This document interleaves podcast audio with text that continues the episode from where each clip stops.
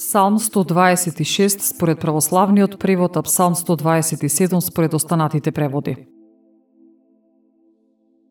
Ако Господ не ја иззида куќата, залудо ќе се трудат градителите нејзини. Ако Господ не го запази градот, залудо ќе бдее стражата. Залудно вие станувате рано, доцна легнувате и го јадете лебот уморни. На оние кои тој ги сака, ни им дава сон. Ете, наследството Господово се синовите, дар од него е породот. Оно што се стрелите во раката на силниот, тоа се младите синови.